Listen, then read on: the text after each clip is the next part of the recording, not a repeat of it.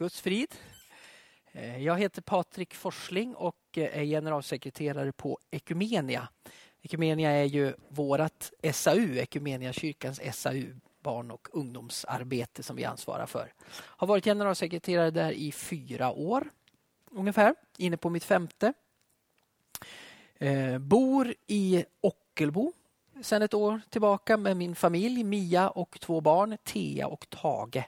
Köpt ett stort fint hus där uppe och eh, eh, som vi håller på att renovera och bor in oss i.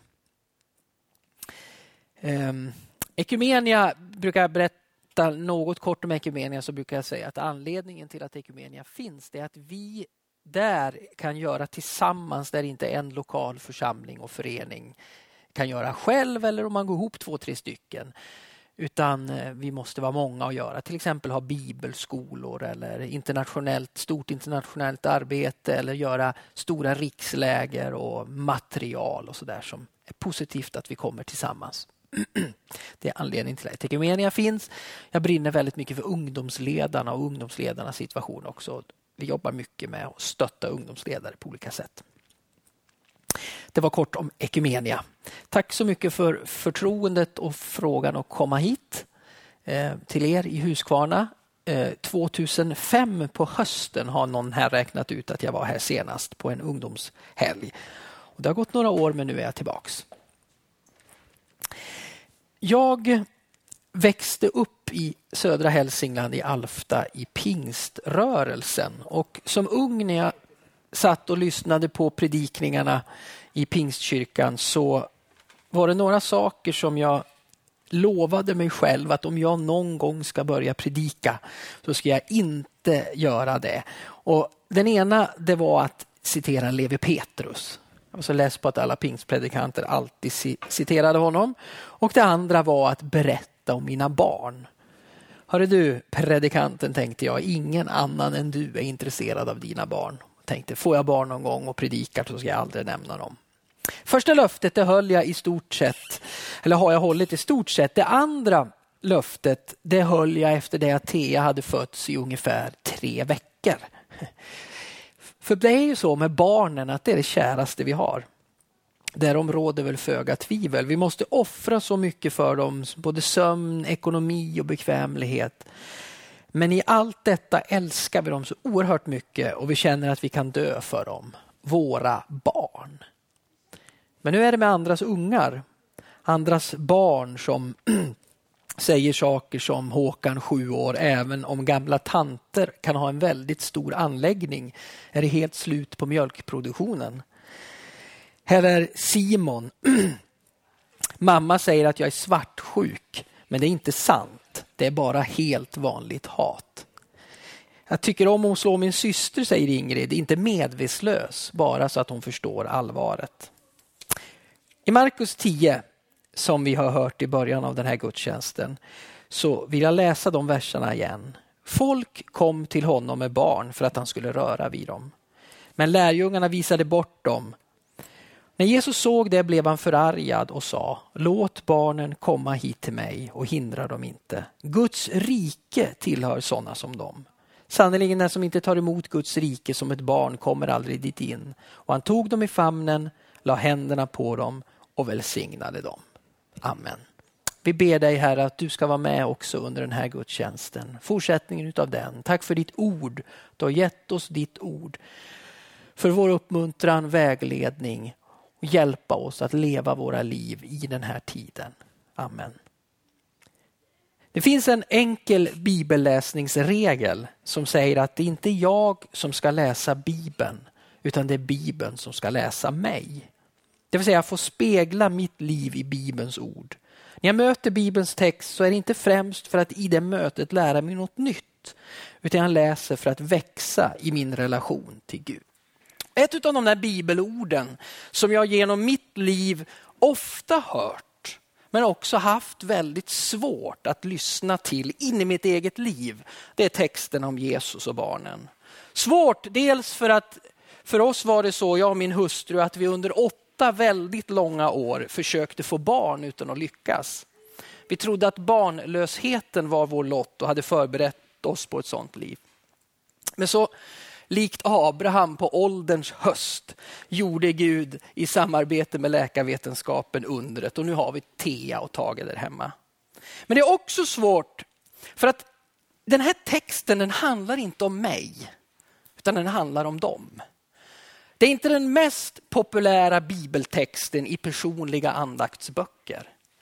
Ramen är enkel. Lärjungarna försöker hindra föräldrarna som kommer till Jesus med sina barn. Antagligen vill de inte att Jesu dyrbara tid skulle upptas av något så oväsentligt som barn. De hade ju sina viktiga uppdrag, sina protokollerade möten med de skriftlärda, budgetplaneringar och allt sånt som barn inte kan förstå. Inte nu Thea, vi tar det sen.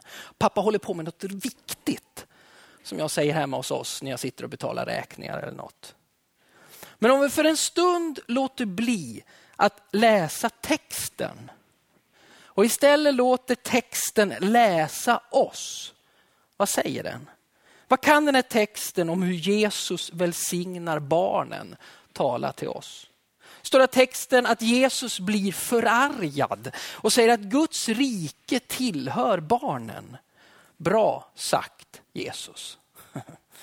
Det där håller vi alla med om. Under de senaste åren, de senaste fyra åren, när jag farit runt i landet i min roll på Ekumenia, jag försökt provocera fram lite reaktioner bland pastorer och församlingsledare och församlingsgrupper som jag mött om barnens plats i vår gemenskap. Jag har hittills aldrig mött en enda människa i våra församlingar som inte håller med om påståendet att barnen är det viktigaste vi har.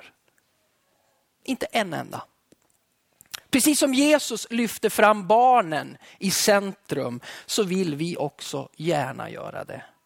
Att sätta barnen i centrum det är en utmaning som många har tagit bokstavligt och gjort det till en metod i gudstjänsten. Som svar på Jesu uppmaning så flyttas barnen fram i gudstjänsten under några minuter och så kallar man det för barnrutan eller barnens minuter eller något.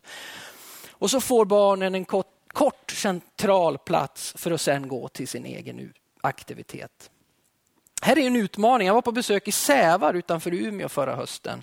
Där har man nyligen slagit ihop en EFS-församling, en missionsförsamling och en pingstförsamling. Och i, I det mötet har man ju fått ett behov av att fundera extra. Hur ska vi fira gudstjänst? Hur ska vi kunna få ihop de här olika traditionerna till en gemensam gudstjänst?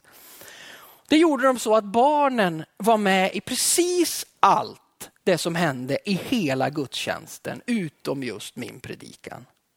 Så fort den var slut så kom barnen in igen och så fick de vara med i förbönen, lovsången, i ljuständningen. Jag säger inte att det är rätt sätt, jag säger bara att det var ett sätt för församlingen i Sävar att jobba med gudstjänsten som hela församlingens gudstjänst.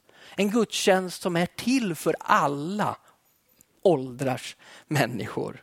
Och när en församling på allvar säger sig sätta barnen i centrum så behöver man också på nytt se över på vilket sätt man firar gudstjänst.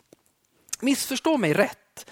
Jag tror att det är väldigt bra att vi lyfter fram barnen i gudstjänsten på något sätt. Men Jesu utmaning är mångt mycket, radik mångt mycket mer radikal än bara det. För när vårt sätt att vara kyrka, att vara församling, har anpassats till att göra det möjligt för vuxna och barn att tillsammans lära, tjäna, glädjas, tillbe och fördjupa sig i Bibelns berättelser så når vi dit Jesus pekar. Den som inte tar emot Guds rike som ett barn. I mötet med barnen så öppnar sig helt nya dimensioner för vad som är möjligt.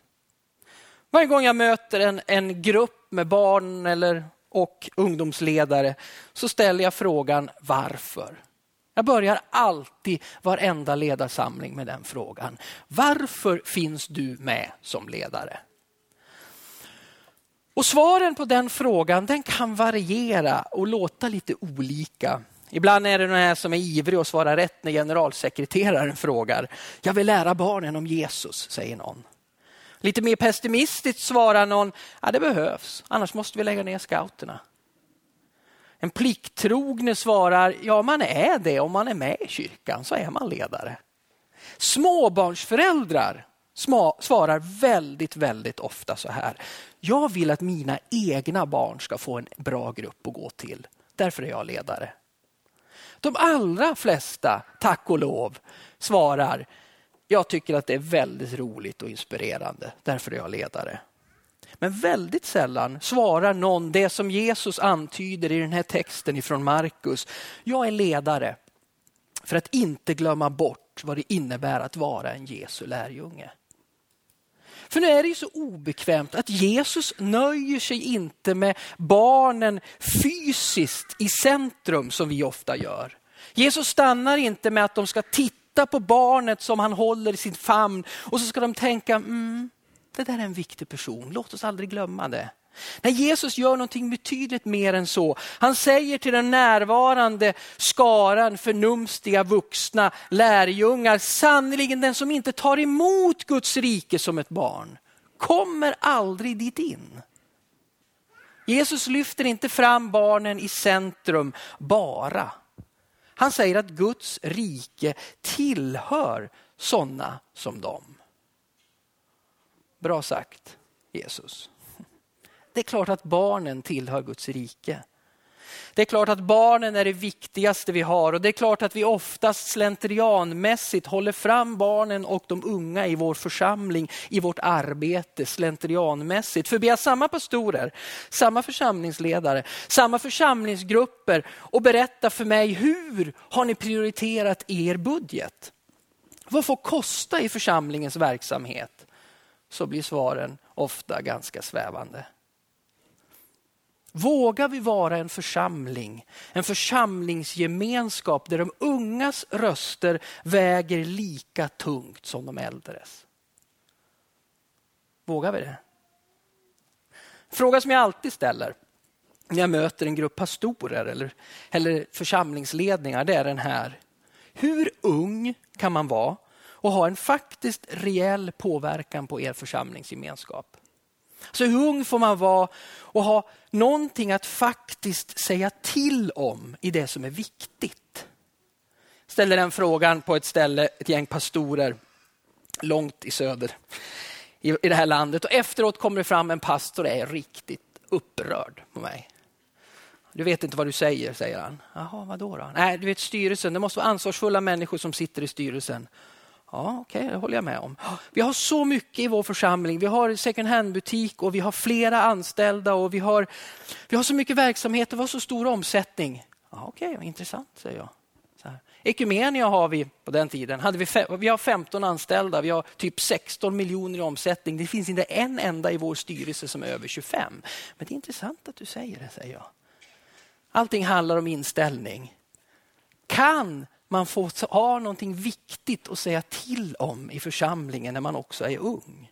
Det är inte biskopar eller småpåvar eller generalsekreterare som främst lär oss vad det innebär att ta emot Guds rike, utan det är barnen.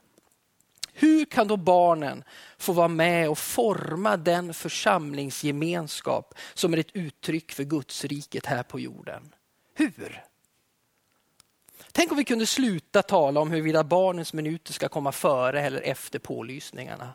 Och istället skapa en församling som inte enbart sker på vuxenvärldens villkor.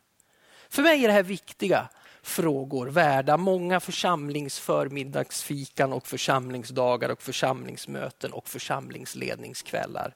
Den som inte tar emot Guds rike som ett barn, vad betyder det?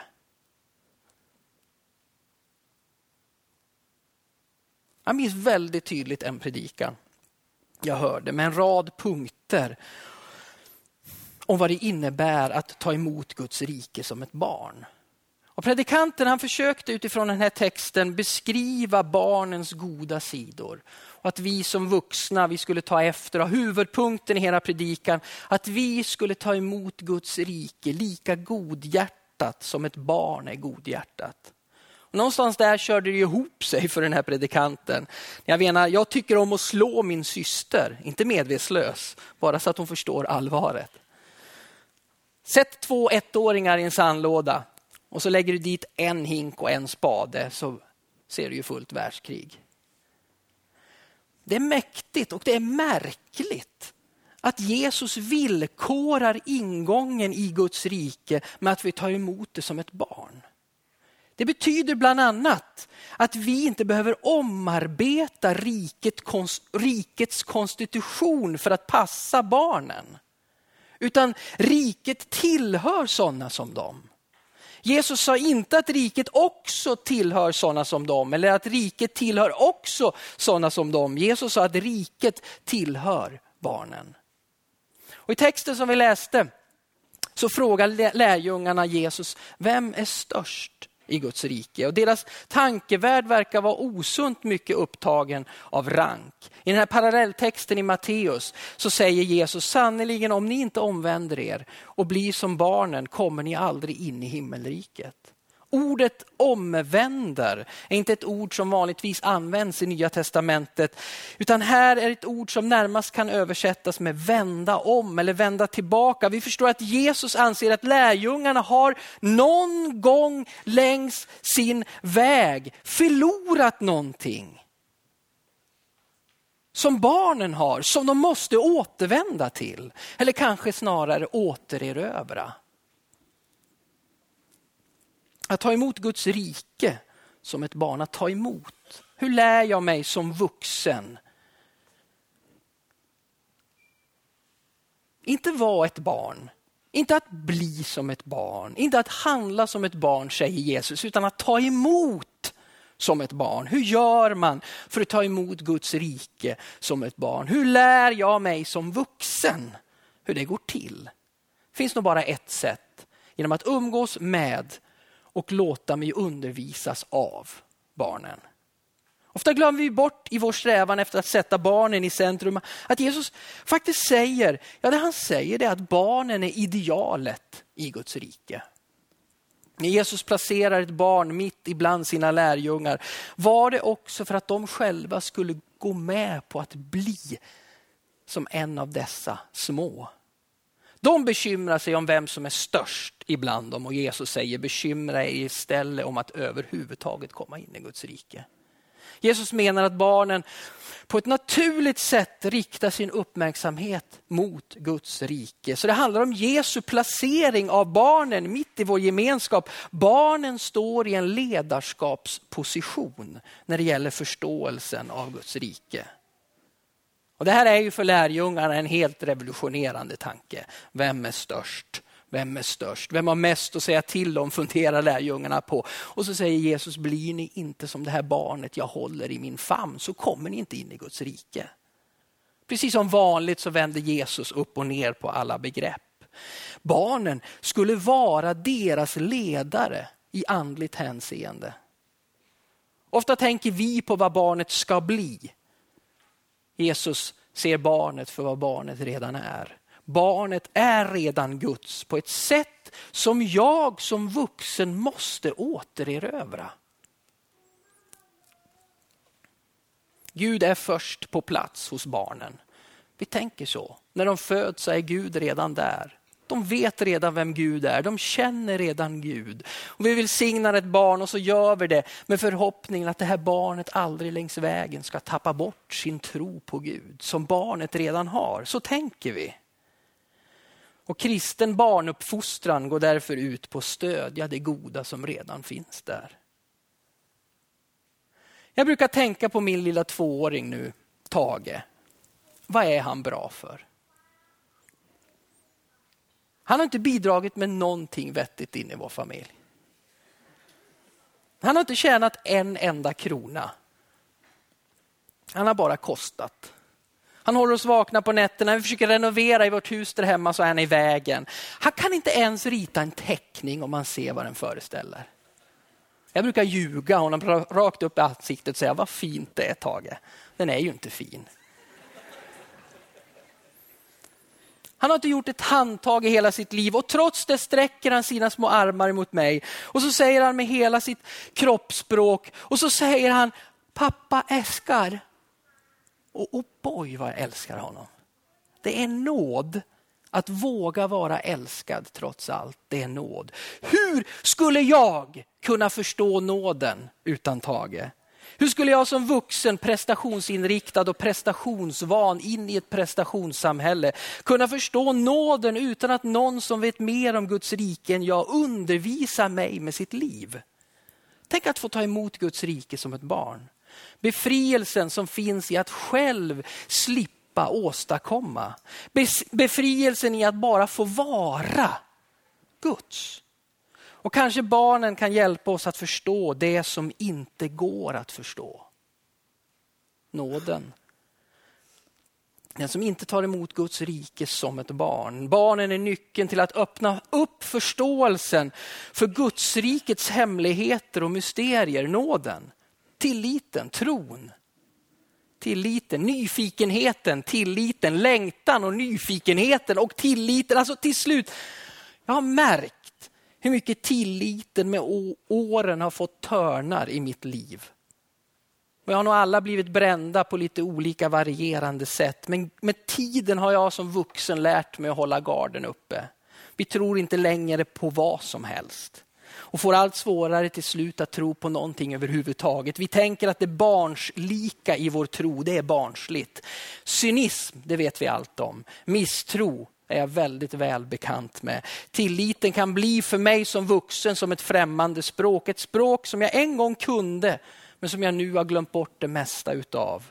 Men tilliten är ju ett vackert språk som barnet kan fullt ut på alla dess dialekter. Jag gick där hemma i vintras och oroade mig för en sak, en sån där viktig vuxen sak som hade med vårt nyinköpta hus och bergvärmeborrning att göra och ekonomi. Jag var sur och jag var irriterad och så kom Thea och sa någonting och så snäste jag helt i onödan åt henne. Vår femåring och så, för hon lät så högt när hon lekte. Och jag kom på mig själv att det där var lite onödigt så jag förlåt Thea men, men pappa är lite orolig för bergvärmen. Stannar Thea upp i leken och så tittar han på mig och så säger hon Käre Jesus, ta hand om berget så att det blir bra. Amen. Visst är barnen det viktigaste vi har, för de lär oss gång på gång på gång på gång hur vi kan ta emot Guds rike. Den som inte tar emot Guds rike som ett barn. Amen. Herre, tack för att vi får leva i en gemenskap där alla åldrar får plats. Där alla får vara med. Men tack för att du har gett oss barnen som en speciell gåva rakt in i vår gemenskap. Barnen som kan få vägleda oss vuxna i vad det innebär att vara din lärjunge. Att lita på dig, att leva nära dig. Att förtrösta på vem du är, Herre.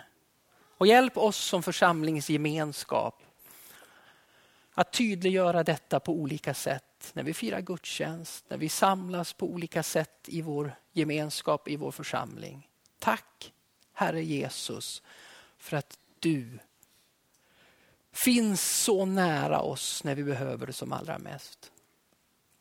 Jag ber att du ska tala till oss på ett tydligt sätt genom den heliga Ande nu i fortsättningen av den här gudstjänsten, genom nattvard, genom sånger, genom böner.